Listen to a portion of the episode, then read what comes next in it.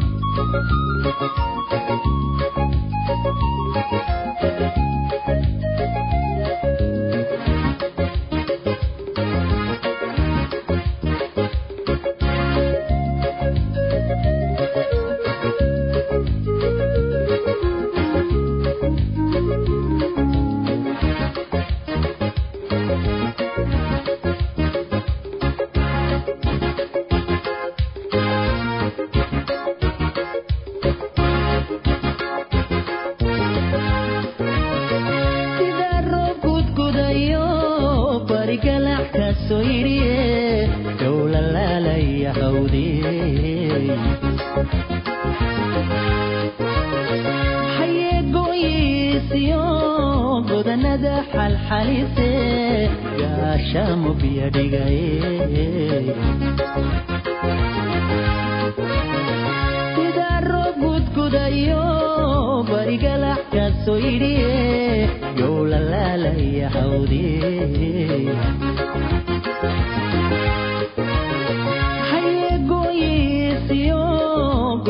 godanada xalxalise gaashaamo biyo dhigaye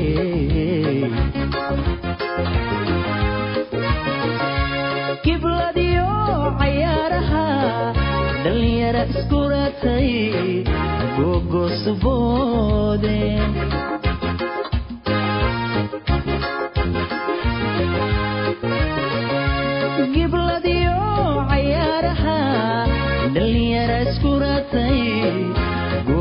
gogosuboode anna waxaan guyaal badan intaa gaaf wareegaba adan adan adan ku goleeyahay anna waxaan guyaal badan intaa gaaf wareegaba adan adan adan ku goleeyahay Thank you.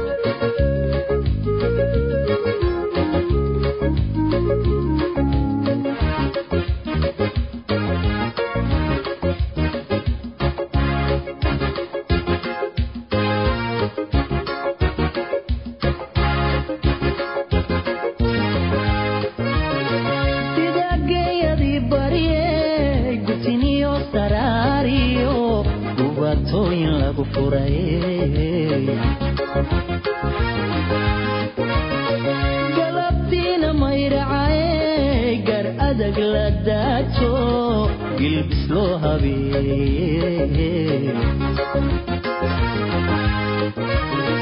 sida geeyadii barye gutiniyo saraariyo gubatooyin lagu furay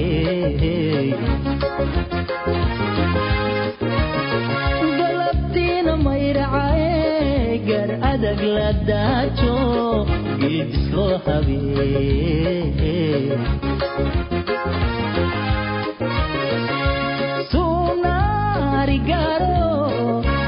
giigaba ku caano gula joogsilaate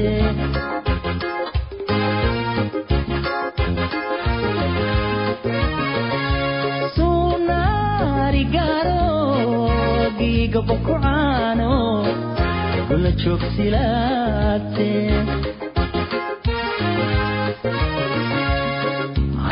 waxaan guyaal badan intaa gaf wareegaba adan adan. Adan ku goleeyahay anna waxaan guyaal badan intaa gaf wareegaba adan adan. Adan ku goleeyahay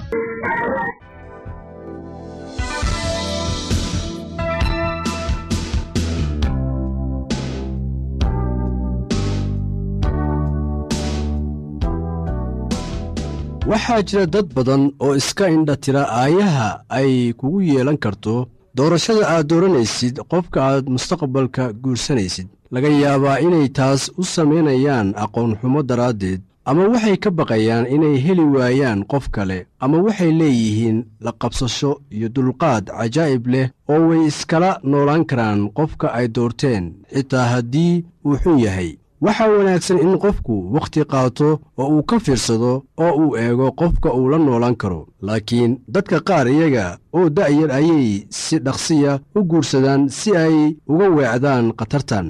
Qaarna waxay guursadaan iyagoo ay ku jirto rajo oo moodaya in guurku keenayo waddo ama xal looga bixi karo xaaladaha adag dadka noocan ah ma doonayaan inay wakhti qaataan oo ay qiimeeyaan fursooyinka ah guul ka gaaridda guurka waayo waxay u malaynayaan in tan qalqalgelinayso qorshahooda waxaanay taas ka dooranayaan inay ku degdegaan guurka.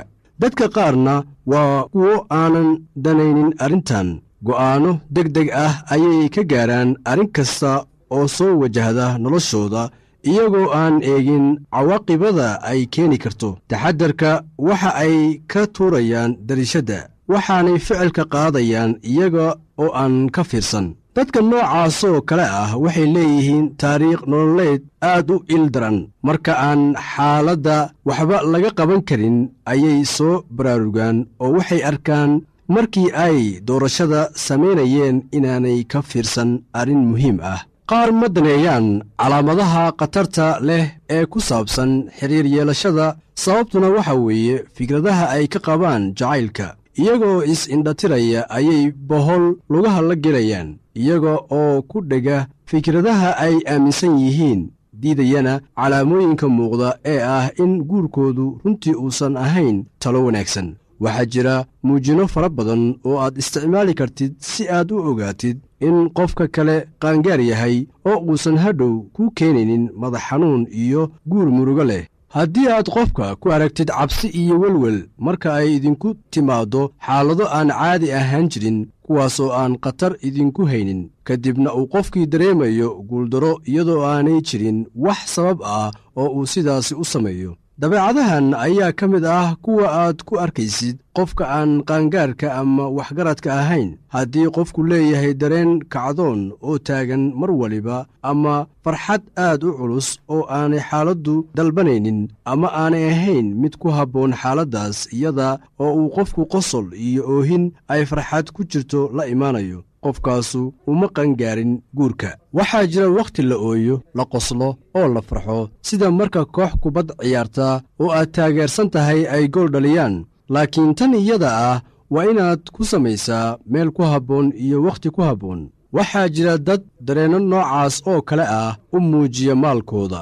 Welwelid ku saabsan dhacdooyin la soo gudboonaaday. Murug ay ka murgaan caafimaadkooda iyo calaacal fara badan qaar waxaa haysta fikir aad u badan oo u keenaya murug caafimaadkoodana wax u dhimaya iyaga oo dusha iska saaraya dhibka jira oo dhan oo isdareensiinaya inay iyagu ka dambeeyeen qofka muujinaya dabeecadaha noocan ah waa inuu ku siiyaa calaamado kaga digaya waxa aad ku socotid. Si aad doorashadaada iyo go'aannada aad gaari rabtid wax uga beddeshid. Adiga oo wakhti badan haasaawo la sii samaynaya qofka aad doonaysid inaad guursatid mustaqbalka ayaa waxa ay kugu caawinaysaa inaad ogaatid wax badan oo qofkaasi ku saabsan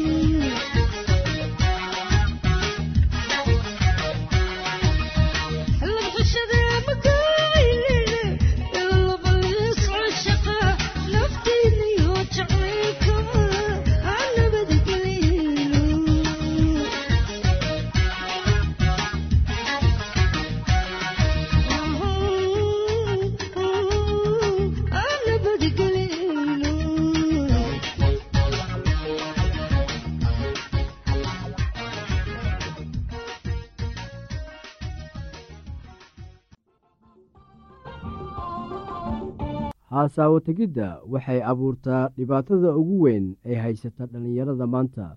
Inta badan waxa uu qofka dareemaa cabsi qalbi jab ama fikir aad ku saabsan dhanka nolosha ugu muhiimsan. Qaar xitaa waxa ay dareemaan dhicitaan waayo aragnimo ay kala kulmeen haasaawaha tegidda awgeed. Waxay dareemayaan ceeb sababtoo ah waxa ay qofka ay jecel yihiin u muujiyeen daryeel iyo danayn taas oo aan looga jawaabin waa maxay haasaawo tegiddu maxaa ku soo dhacaya maskaxdaada marka aad maqasho haasaawo tegid gabar yar ayaa waxay haasaawo tegid ku sharaxday sida tan. Waa waayo aragnimo qaas ah oo ka dhalata marka wiil la kulmo gabar. Deetadana uu ku ballamiyo meel isaga oo siinaya wakhti cayiman markay kulmaan wakhtigii ay ballanta lahaayeen haasaawo yeeshtaan. Iyada oo uu macnahan sax yahay haddana waxa uu leeyahay micno dheer kaasoo ah xiriir ka dhex dhasha wiil iyo gabar.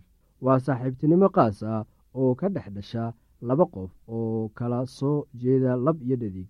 Xiriirkaasoo horseedaya is-xurmayn jacayl deetana guur. U fiirso hasaawuhu mar waliba waxa uu la bilowdaa saaxiibtinimo. Runtii saaxiibtinimo qaas ah waxaa laga yaabaa inuu raaco jacayl iyo haasaaw uu jacayl ku jiro inta uu xiriirku korayo. Inkastoo labada qof ee isguursanaysa ay jecel yihiin in arrintan ay gadaal ka sameeyaan. Waxay noqonayaan laba isjecel. Intii aanay noqon laba saaxiib ah waxaa jira herar uu qofku ku odhan karo. Runtii haasaawahanu wuxuu kobcayaa ama horumarayaa haasaawuhu waa il biyo ah oo ka timid saaxiibtinimada u dhexaysa laba qof oo kale ah lab iyo dhadig. Sida qofku ugu fiican yahay inuu saaxiibtinimo wanaagsan samaysto ayaa sidoo kale waxa uu ku guulaysanayaa hasaawaha. Haddii aad doonaysid hasaawo xiriir hor u kac leh waxaa qasab kugu noqonaysaa inaad bilowdid barashada ah sidii xiriir saaxiibtinimo oo wanaagsan loo samaysto.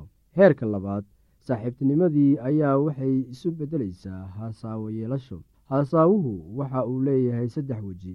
Mid waa hasaawo caadi ah mid waa qaas midna waa joogto. Waa maxay hasaawaha caadiga ah? Waa noocee haasaawo ee aanay la socon dareen qaad ah. Waxaad hasaawahan u samaynaysaa wakhti isku dhaafin adiga oo gabar meel u wadaya sida cashogeen ama shaneemo. Tallaabadan muhiimka ah ee wanaagsan waxay labadiinnaba fursad idiin siinaysaa in si dareen ku dhisan aad isu dhex gashaan oo aad fahamtid sida qofka kale uga jawaabo nolosha. Hasaawaha qaaska ah waxa uu u baahan yahay kacdoon dareen oo xadidan tusaale waxaa laga yaabaa in iskool ama kolleejo ay ka jirto xaflad qaas ah. Marka wiil ayaa waxa uu ka codsanayaa gabar inuu dibadda u wadi karo isaga oo doonaya haasaawid habeenkaas. Haasaabaha joogtada ah waa marka laba qof oo da-yar isku taxalluujiyaan inay haasaabahooda si joogto ah u wataan ama ay caado ka dhigtaan. Heerka gacdoonka dareenkoodu la dhan yahay iyo sida ay ugu go-een lababa way ka duwan yihiin laba. Qaar waxay xiriirka u isticmaalaan sida gaashaan in aanay u dareemin kelinimo heerka saddexaad ee hasaawuhu waa wakhtiga ay isu diyaarinayaan nikaaxa. Wakhtigan isaga ah waa wakhtiga u dhexeeya hasaawaha joogtada iyo wakhtiga nikaaxa.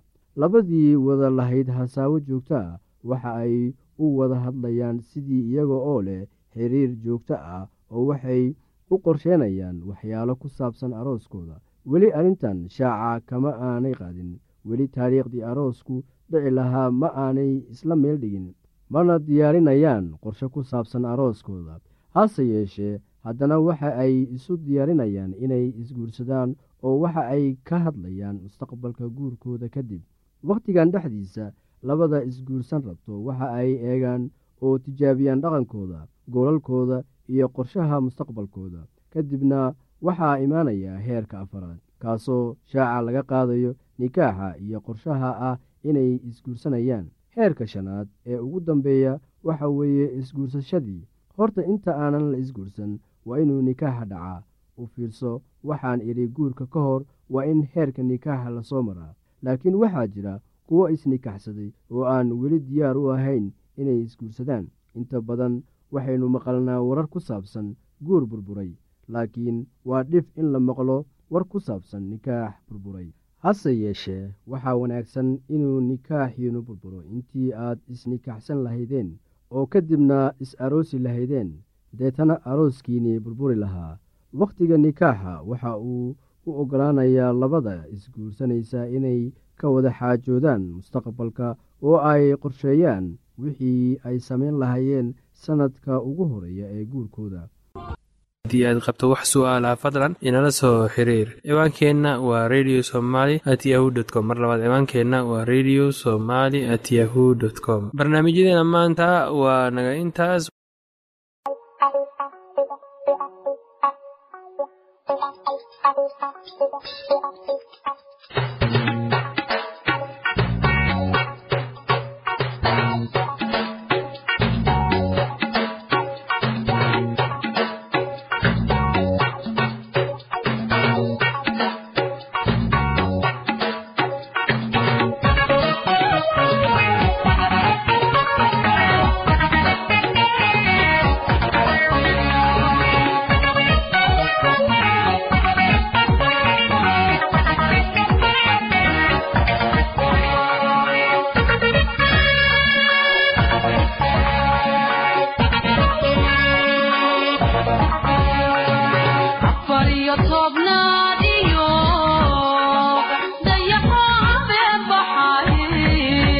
aqui a poeira